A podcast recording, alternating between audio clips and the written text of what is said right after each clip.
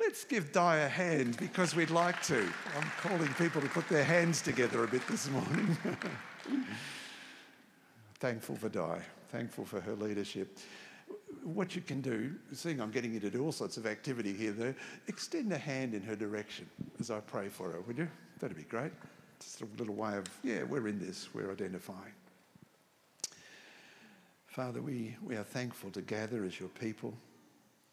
We are thankful, Lord, for Di, for her leading us as a church. And Holy Spirit, we say, Come. Come, Lord, and uh, just touch her, and for all that she's prepared to speak, give her the grace and the wisdom to know what to focus on most, what to leave aside, because you are speaking an extra word. Bless her with that, we pray. And give us open hearts and minds to hear and receive from you today. In Jesus' name. Amen. Thanks. Good morning, everyone. Wow. It's um different sound in here today, isn't it? That feels very loud. You can hear me, right? Yes. really great to see you all here, and really great to have a lot of people that are joining us maybe for the first time. Welcome. I always feel so happy when we have others coming and joining us. So thanks for uh, giving us your time and your presence with uh, P R E N C E. we are in the middle of a series right now, but today you're really going to be able to cue in pretty quickly because this is a bit of a stand-alone uh, moment, meaning that the message that we've had from last week it's not actually tied into this week in the same way. So welcome, you're going to be able to follow along just fine. And I feel like um, this building strong series that we've been doing, we're on a journey, and this building strong is because we're wanting to have lives that are strong and healthy in relationships whether it's relationship with God, whether it's relationship with others, other believers, those that know Him, or whether it's relationship with people who are hurting and that we can bring good news to. So that's that's the key thing that we've been following through with this series. We're people discovering who Jesus is, and we sang about Him a lot today. We sang to Him, and we gave all our praise to Him, and we're also people discovering who we really are. Because as we follow Jesus, we're transformed to become more and more and more like him. And everyone just wants to be more and more like Jesus because he's just amazing. So today, we're going to look at a passage which is quite long. And so it's not going to be on the screen. So if you've got a device or your Bible, turn to Matthew 16. And we're going to live and move through that because we have some good news today. I have good news. And the good news is something that Jesus said. And the good news that I'm going to be sharing is from from this passage. And in the midst of all that's going on in our world right now, don't we need good news? With all the turmoil and all the confusion and the upheaval and all the shifting and changing that's going on in our world, we need, um, we need good news. And so for today, I can say to you, Jesus has got good news for you today. And the good news is that He has put on His lips for us to hear in 2022 is, I will build my church. That's the good news. And he says even more than that. He says, I will build my church and the gates of hell shall not overcome it. This is the good news that we're going to be digging in today. Building strong, not only in our own relational lives and in our health with people around us, but Jesus is saying, It's okay, church. I'm building something really strong here and that's lasting, and the gates of hell will not overcome it. Whenever we have one of Jesus' promises, we want to make sure that we've got the context right. And we've learned that as a church eh, as we went through Revelation, right? Context is really important. And so, as we turn to this chapter today in Matthew 16, we're going to dive into a story written by an ex tax tax collector called Matthew. He was one of the first band of disciples following Jesus. And so today's story is found in the book that he wrote. He was really good. If you watch the Chosen videos, Matthew writes down every detail. he's a really great character, and, in, and we're so grateful that he's written down every detail that we're going to be reading today. So we're going to read Matthew 16, it's a book of Matthew, quite a long passage, and Jesus is in a very dark location. That he's actually this this story is actually a place where Jesus' promise is coming to a place that's actually very dark in terms of spirituality. Here we go. verse 3. When Jesus came to the region of Caesarea Philippi, he asked his disciples, Who do people say the Son of Man is? They replied, Some say John the Baptist, some say Elijah, and still others say Jeremiah, one of the prophets. But what about you? Who do you say I am? Simon Peter answered, You are the Messiah, the Son of the living God. And Jesus replied, Blessed are you, Simon, son of Jonah, for this was not revealed to you by flesh and blood, but by the Father, my Father in heaven. And I tell you that you are Peter, and on this rock, here it is, I will build my church, and the gates of hell will not overcome it. I will give you keys of the kingdom of heaven, and whatever you bind on earth will be bound in heaven, and whatever you loose on earth will be loosed in heaven. Then he ordered his disciples not to tell anyone that he was the Messiah. From that time on, Jesus began to explain to his disciples that he must go to Jerusalem and suffer many things at the hands of the elders, the chief priests, and the teachers of the law, and that he must be killed and on the third day be raised to life. Peter took him aside and began to rebuke him. Never, Lord, he said, they, this shall never happen to you. And Jesus turned aside to Peter and said, Get behind me, Satan. You are a stumbling block to me. For you do not have in mind the concerns of God, but merely human concerns.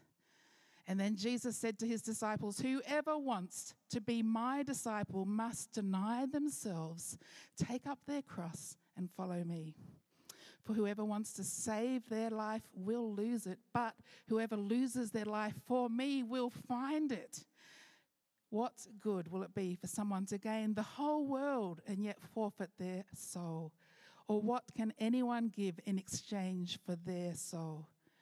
For the Son of Man is going to come in his Father's glory with his angels, and then he will, reward each person according to what they have done.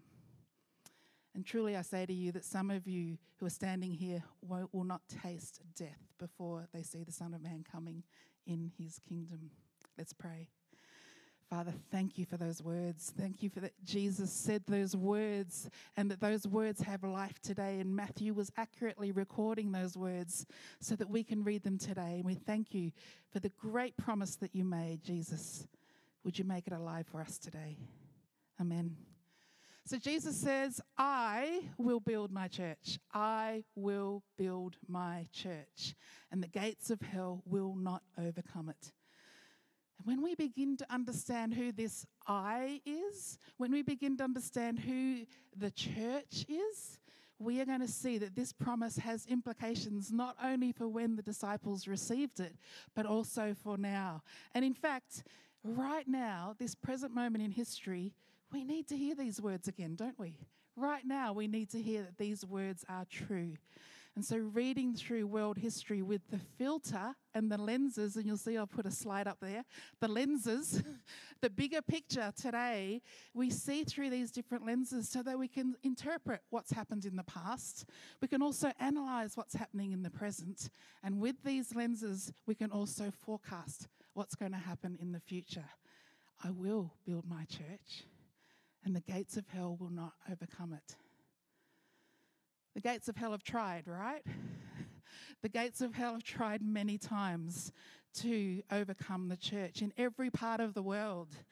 Jesus is building his church, and in every part of the world, the gates of hell are trying to overcome it. And I can't imagine what it's like for believers, for sisters and brothers in Christ that are going in through life in parts of the world where their churches and their places of home, their homes are being bombed or brothers and sisters in parts of the world where they are living as we are following Jesus, but they've got spies amongst them that are recording every word and taking it to suspicious authorities. I can't imagine, I can't imagine what it's like for Christians to be murdered right now in this day that we're living. I can't imagine because we're in a place where church is not overtly assaulted in fact, church here in Australia often feels like it's quite irrelevant to a lot of people, right? People actually aren't even seeing that we have any cultural impact. and in fact, it doesn't seem that we're even on the radar at times, right? In terms of what church is in Australia. And I also feel like, sadly, unless we do something wrong in church world, that's when we get the attention. And unfortunately, there's a lot of times when we're doing lots wrong, right? and so, even what we're doing today with training is because we just want to serve people in a way that we're not going to get things wrong, that we're going to look after vulnerable people that come to us and kids that come to us can grow to know Jesus. So, have a think about this. All around the world, cities are redesigning right now. All around the world, cities are reinventing what it's like to move after COVID. And all around the world, these new designs are, in fact, not planning, not preparing sacred spaces. No worship places at all are in these new designs of these cities. I don't know if you saw on the slide here, there's a headline a few weeks ago. Monash University students, they held a pray in amid requests for upgrading the Muslim prayer rooms. This is in our city, just down the road. Last month, a local uni had a pray in, and it was the Muslims. They were saying, We haven't got enough room to pray in this university. There's not enough sacred space for us to pray. They had a room that fit eight men and eight women. That's what they were given to pray.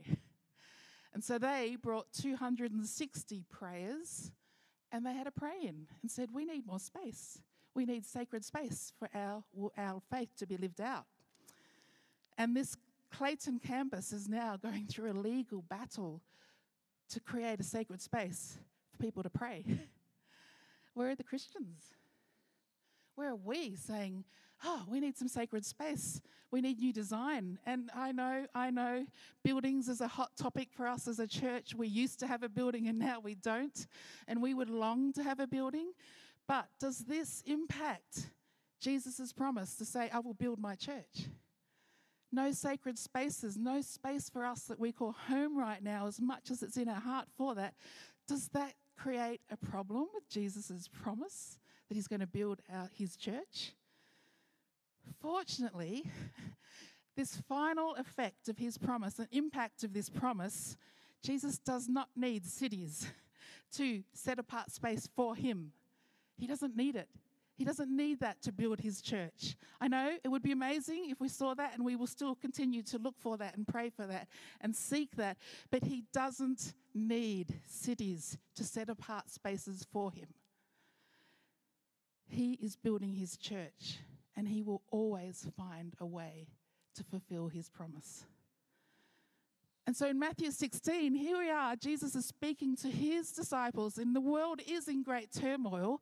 And it also is in a place where we're being bombarded by social media. They didn't have that, but they're in a dark place where there was a lot of forces against what Jesus was bringing and against the Messiah.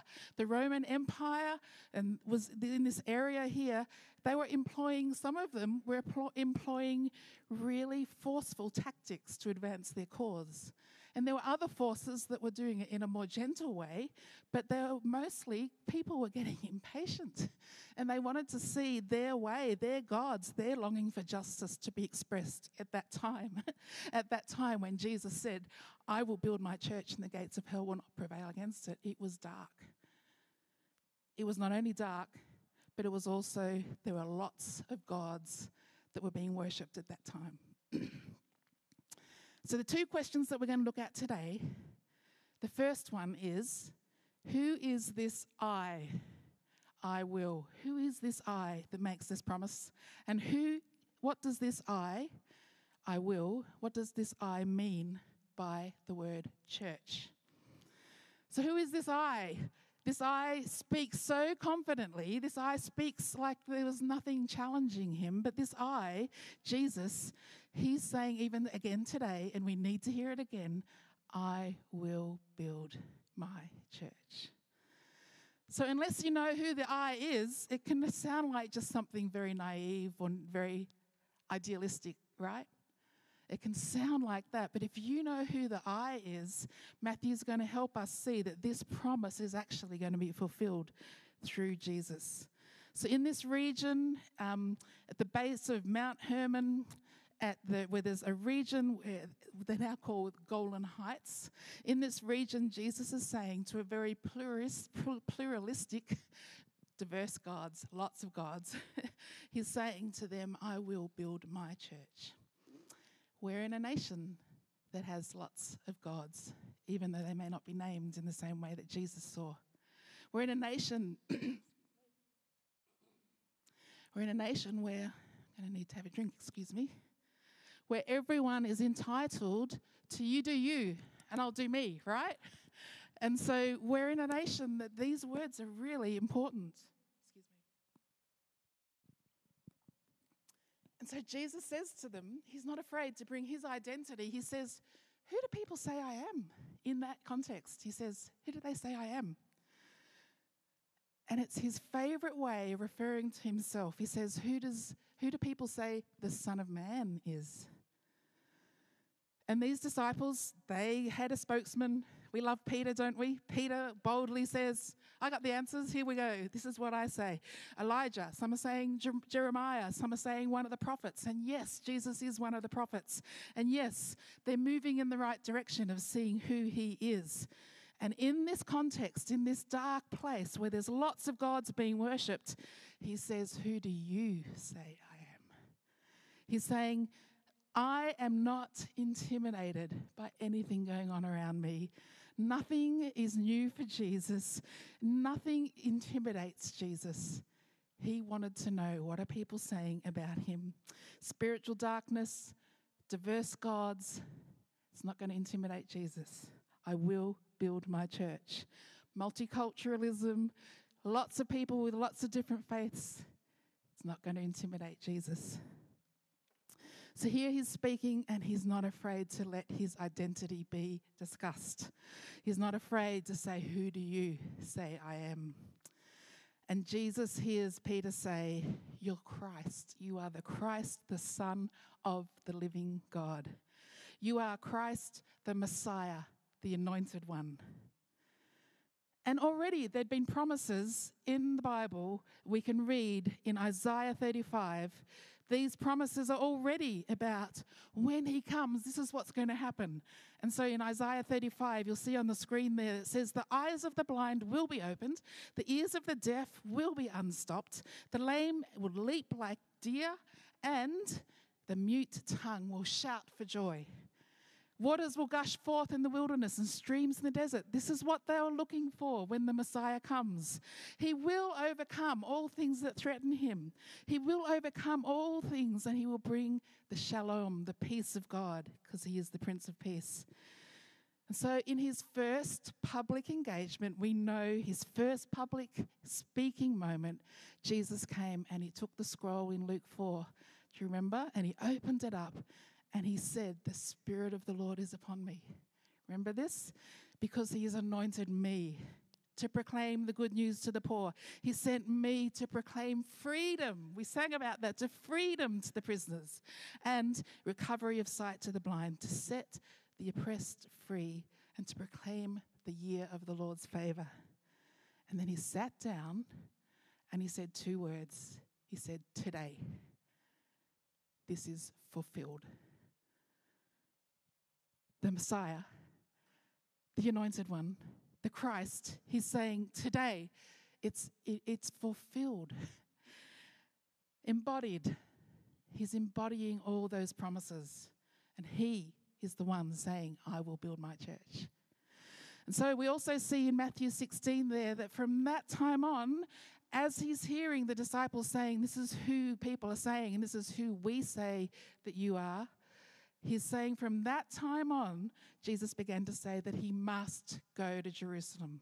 And so he turns with his disciples and they start to head for Jerusalem, where he's going to suffer many things and must be killed.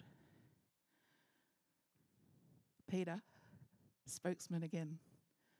No way. Never is that going to happen to you, Lord. He says, Get out of the way. Jesus is saying, Get out of the way. There's no other way. So, Messiah, he fulfills everything that's expected of him, and he does not get crushed by anything that evil or death throws at him. And that is the I who is saying to us today, I will build my church. So, who do you say I am is the question. And Simon Peter says, You're also, he's saying, You are the Son of the living God.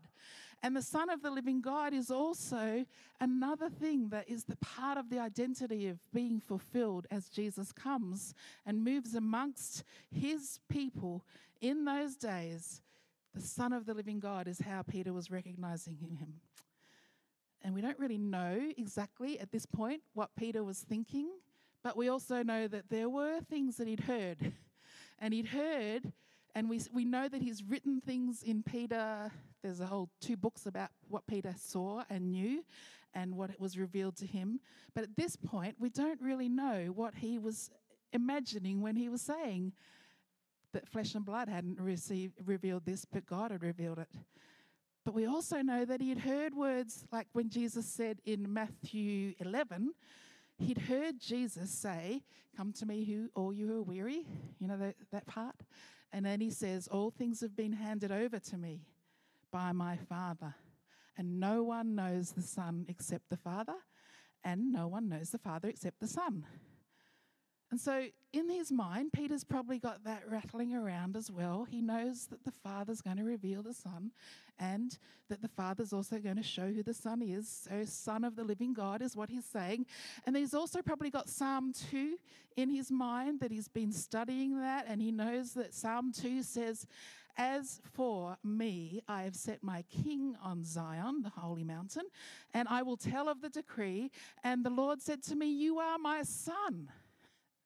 Today I have begotten you. And ask of me, and I will give you the nations as my inheritance. So, all this Peter's being informed by. And so, who is this I who makes this promise? Who is this I? He's God's chosen king, he's God's beloved son. He's the one who alone knows the Father. He's also the one who can reveal the Father. This I, I will build my church, is the one who is the face of the unseeable Father, and he's revealing who God is. This is the one who's saying, I will build my church, the Son of the living God and the Son of Man. So, the Son of Man, that's a bit of a tricky phrase as well that we're probably not really cued into. But in context, who do people say the Son of Man is? Again, it's Jesus' favorite way of talking about himself Son of Man. And no one in the first century would have dared say that they were Son of Man or call themselves Son of Man. No one. But Jesus did. Now, Son of Man is also embraces the whole totality of his life and ministry because it describes his earthly work. You'll see in this slide that it describes the he, the Son of Man, has come to seek and save the lost. And he is also describing the future work. The Son of Man is also coming to reveal the Father's glory and come in the Father's glory. So, on one level, on one level, the Son of Man is simply saying, human. Son of Man is human. And if you are finding this is a little bit, whoa, I have no idea what she's talking about, there's some really, really good pro, um, videos that we're going to pop the, um, the links up for you. And you'll see this little cartoon here. Hello, I'm the Son of Man. And so if you want to learn more about that, check that out later this week because Son of Man is a really important phrase that Jesus uses, and we need to understand who he is talking about and what he means by that. So, man and Son of Man is in parallel. In the Old Testament, we see, even for example, Ezekiel is talked about as, a, as Son of Man. 90 times they call Ezekiel Son of Man. So it's all throughout the Bible. It's a good thing to know what we're talking about there. But when Jesus uses this title, to his disciples, something has changed. He puts in front of it the Son of Man. No longer saying Son of Man, human, he's saying the Son of Man. And so we're quickly now going to just have a look at what would that have cued into for his disciples listening to that when he says the Son of Man. And he, they would have gone back to the book of Daniel in their minds, and they would have thought, ah, he's talking about the Son of Man that was in Daniel chapter 7. And in Daniel chapter 7, there was this whole vision that Daniel had. And the vision was of this course of world history. There were four great beasts. And again, this video, on, uh, if you want to see it visually, really, really good to see it in the Bible Project. Four great beasts, four powerful world empires were being represented by the beasts. And they were brought to the throne of God. And there they were going to be judged. And one of the beasts was kaput, slain. and the other three lost their power, their dominion in the vision. And so in verse 13 of Daniel 7, we read the vision I saw in the night visions, and behold, the clouds of heaven. And there came one like a son of man. And he came to the Ancient of Days and was presented before him. And to him was given dominion and glory and kingdoms, and that all peoples and nations and languages would serve him. His dominion is an everlasting dominion and will not pass away. His kingdom is one that will not be destroyed. That's what they were thinking of Son of Man, the Son of Man, the Son of Man who came. And Eugene Peterson, who did the Message Bible, he calls it a towering figure. That's how he translates the Son, son of Man. The towering figure, the commanding, redeeming, glorious figure. So no longer is it like a Son of Man. The disciples are now cuing into the Son of Man is here, fulfilled today. So when we see in this verse here about clouds of heaven, we sang about it today as well. That's about the divine presence. And when we see that the superhuman majesty of the Son of Man came, he was in the likeness of the Son of Man. This Son of Man came before the Ancient of Days and didn't bow down. This Son of Man came and also didn't confess sin. This Son of Man came before the Ancient of Days and he was given a kingdom and dominion. This is the Son of Man that we're hearing about. This is the Son of Man that we know. And Jesus here brings another surprise to his disciples. He was always surprising them and unveiling more and more that this title and embodying this title was also saying, the next slide says, the Son of Man didn't come to be served, he gave his life as a ransom for many. He came to serve. So, not only did the Son of Man, who is not matched to anyone else, who is also not bowing down to the Ancient of Days, but is also not confessing sin because of who he is, this Son of Man, that is the I who promises, I will build my church and it will not prevail against the church. I promise that I will build my church. The Christ, the Messiah, the Son of the living God, He's the one who has first place, and He's the one, the Son of Man. So, again, check out this video. There's another video just about what it looks like for heaven and earth to invade. And if this is new language for you, this video really will give you an, a, a walk you through what that looks like. Because this is really kind of not stuff that we hear every day, is it? And so have a look at that. There's another link that will pop up there for you as well if this is a new language for you. Second question, moving along, we see what does Jesus mean by the world church? The word, the word church, by the world church. What does Jesus mean by the word church? Clearly, he's not referring to a building, right? he's standing there in Caesarea Philippi, and there's rocks everywhere, and there are caves where people are worshipping foreign, foreign gods, and there's mountains and high places and all sorts of things. He's using a word there that is going to sound a little bit strange to his followers. He's not referring to a building, even though we know and we pray and we recognize that some kind of uh, building and some kind of refuge and some kind of housing is what we would long for in our hearts. That's not what he's referring to. He's referring to the word ecclesia. Everyone say that. Ecclesia. Now, you know I'm not good with foreign language and I'm not really good also with some of these words that I'm going to say, so forgive me ahead of time, all right? but ecclesia is what he's referring to. I will build my ecclesia.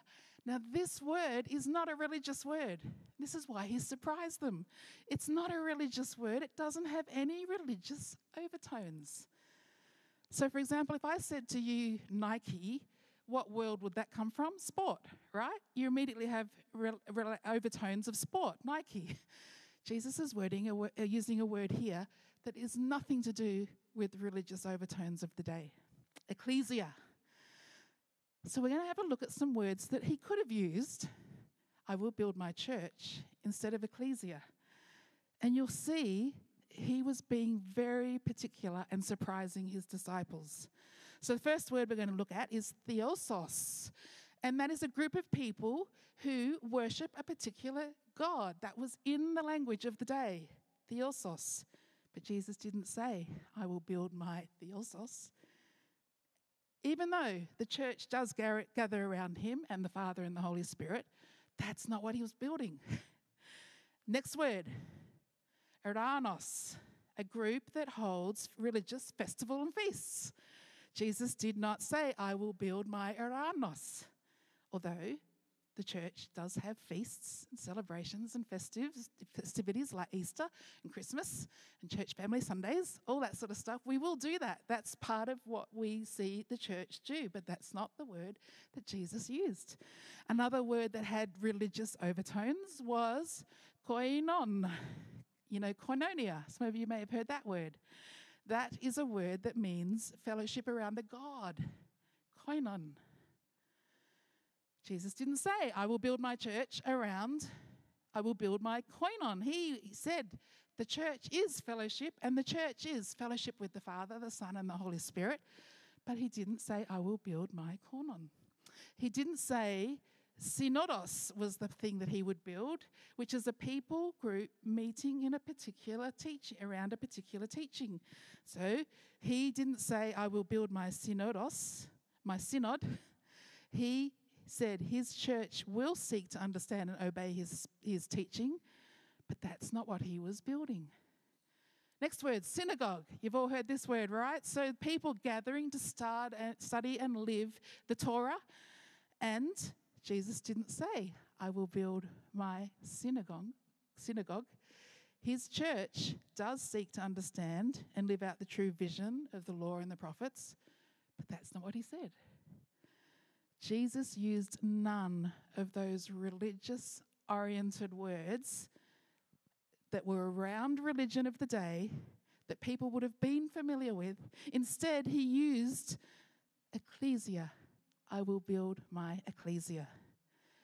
And ecclesia is simply the assembled congregation of the Lord.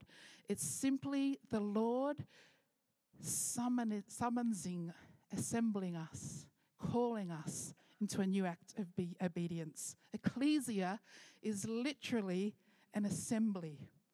When we gather in whatever set, setting, He is summoning us to a fresh encounter with Him. He is calling us to assemble it has an urgency and it has also an invitation, but also is like a herald saying, Ecclesia, I will build my ecclesia. So, on one level, today, you and I are here in person, yay. And on one level, we're here because we chose to be here today. On another level, you've been summoned to assemble. He summoned you. He's called you out. He said, Come and gather and assemble. Christ the Messiah, he says, He's summoned you. He summoned us. He said, Come into my fullness of life. He's saying, Receive my spirit. The Messiah is saying, Receive my grace and anointing. And the Son of God is also summoning us. He summons us and he says, Come and I will show you the Father. Come and I will reveal more of the Father. Assemble together and you will learn how to trust him like I trust him. And then the Son of Man that we read about in Daniel, he summons us. Jesus, the Messiah, fulfilled that and says, Come into my kingdom. Come where the new creation is breaking out now, today. This is what he's building his ecclesia, his summoned assembly. It's strong. It's not just that we come to church, it's strong. We are being summoned by Jesus. He's calling us out. And it's not a religious word. Anyone, any ordinary person is welcome to this ecclesia through Jesus. It's really referring to the gathering of citizens, so any ordinary person in a city, and it's to conduct civic business. That's the word he used. It wasn't religious. And so his ecclesia in any city is assembling to conduct kingdom business. That's why we're shaking it up a bit and we're saying, let's do Church Family Sunday and let's make it look different because He summons us to do something with a purpose and He's calling others in. So we want to make food and, gee, we've got good cooks in this church. we want to have food and we want to have worship and we want to have conversation about what is the summons, the call that we've got for this local community, for our region and beyond. Now, I'm hesitant to use the word He summons us for business because in church world, we've made it a business. And we're trying to shake that off too. We're trying to shake off that this is a business. It's not a business, it's a kingdom, kingship, sons and daughters gathering together around the King, around the Messiah. So, did you know you're involved in essential work? It's essential. It's really important work that you're involved in. When you turn up on any gathering where He is, it's essential, it's important. So well done for being here today. Well done for being summoned. For whatever reason you're here in the room today, you're here because Jesus wants you to be here. And He's got something really, really good for you. And He's also doing that in every city in the world. Every region, He's the Messiah. Every region is the Son of God. Every region is the Son of Man. And he conducts good business. We're in the people business in every, every corner of the world. His ecclesia, his gathered ones, his summoned ones are doing important work, running the city under the towering figure, the Son of Man. He's the one that rules, he's the one that reigns. So, can you see why this is a bit of a different message today about building strong? We've been talking about our internal world, the heart of the matter. We've been talking about having good foundations. And today, he just really wanted all of us to know that the Son of Man is calling us to something really important. And you are part of his ecclesia as you follow him. And even in our songs today, we affirmed and we agreed together who we're worshipping. A great set of songs, Trav. I know you pulled that together like in a bit of a scurry, but gee, really, really, the Lord had His um, His way through those songs. So thank you. Um, and if you didn't cue into that, check out the recording this week, and you'll see how much this is in line of what the Father's doing with the songs that Trav brought to us this week. So he's building strong gatherings. He's building new cities, cities of refuge, as we build with him as we look to what He's building, people are going to find mercy in city of refuges, cities of refuge, cities of justice. And I know there's some things that are stirring in some of our people now about justice and finding dignity and freedom for people around us. Cities of peace, where people might be in chaos, they get restored and whole and free again. He's building that through his ecclesia. I will build my church, and the gates of hell will not overcome it.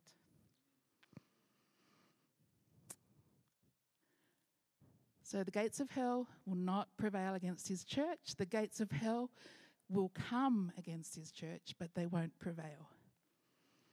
So even now, as any church starts to push out the boundaries beyond understanding church as a business, beyond understanding church as just something we do on a Sunday morning, beyond all those mindsets that we're moving and shaking right now and saying, no, no, I think there's more. I think there's more. As we press out and we see other churches pressing out, there's going to be pushback. because the gates of hell will try to stop the church of God, the ecclesia.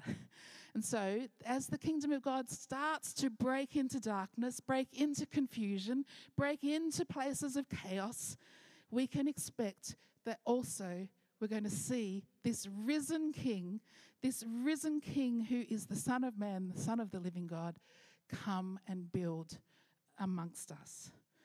And he is also declaring that he's going to break fear and he's going to break fear of death. And that's his job. That's what he's going to do through us as we embody all that he's doing and as we serve him in the way that he serves us. So, finishing today, my question for you is Are you in? Are you in? Are you in? All over the world, he's summoning people like you and me, ordinary people. We're not shiny, amazing, brilliant communication people. Perhaps some of you are. I know I'm not. I'm just a clumsy pastor that said yes. I'm just a pastor that says, I want to learn more and more about what it is that you're doing on the earth right now. And so we say to you today, the eldership me, clumsy Di, who gets things wrong many times, says, Are you in? Are you in ecclesia that he's building? Can you confess that he is the living God? Can you, like Peter, say, You are Christ, the anointed one? Can you say, You are the towering figure over this city? Will we, like him, choose the way of surrender, laying down our lives for this good city that we live in? Wherever you're from, will you lay down your life for him and serve him? Will you suspend your own life and give it for his sake? Are you in? Will we be like him where we're not here to be served, we're here to serve? We're here that our region will flourish. We're here also to help people find refuge and we're here for people to find feasting at the king's table. So I said I had good news. It was good news. Hey, this is what's happening. And it will not be crushed by anything that the enemy brings. The gates of hell will not prevail against the ecclesia that's rising. The army is rising, is what Trav said. The army is rising, and you're part of it. So, how do we know that they're not going to be crushed? The ecclesia won't be crushed because we know Whenever the enemy came against Jesus, he overcame them. On a cross, they tried to overcome him. It looked like they did. And then, as he promised, he came back full of life, never to die again. And so, the good news is that's the I. I will build my church, my ecclesia, and the gates of hell will not overcome it. Say amen if you agree. Amen. Today, we're just going to take some time now just to give thanks for who He is and what He's done and what He's doing. And so, we're going to do that just in circles. We like circles instead of rows often.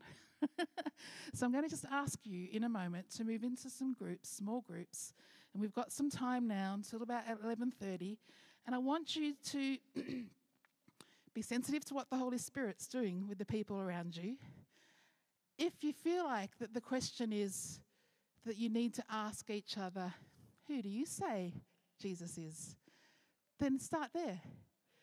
If you feel like it's about his church and ecclesia and you want to be praying for the church in general, start there as a group. You decide. Listen to the Holy Spirit. You're empowered to go and, and do whatever you would like to in this time in your circles. And if you're being led to say, huh, what's Jesus saying to me today? And what am I going to do about it? You might like to share that in your group. Okay, so a few options. I don't want to direct that because we are learning to be empowered people that respond to what He's doing. So each group's going to be different. Maybe if we have groups of, I don't know, four, four to six, might be a good way to do that. And then together say, are we going to pray? Are we going to listen to each other and respond? You decide, okay? Does that sound all right? And let's do that until half past 11, and then I'll call you all back, okay? Groups of four or six, let's do that. If you're visiting, feel free to make that just a place where you can sit and listen or contribute. No pressure at all. This is a time where we just get to engage with what on earth was that about? All right. Would you like to just hold that thought that you've got right now? I'm going to pray a blessing over you all. And then, uh, if you want to continue conversation or prayer, feel free to do that in your circles. Let me just pray a blessing over you all. So, Father, you're here with your blessing. You're here through the power of your spirit, and you're here through the name of your son. And so, in Jesus' name, I just bless every person that's here right now that they would go with more than what they came with, and that they would discover more in this week about you, Jesus.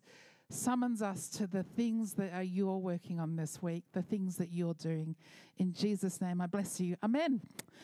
So we'll see you next week here. We'll have food, bring your food. And if you'd like to get some prayer today, just tap someone in your circle and get some prayer for the people in your circle. Thanks for joining us.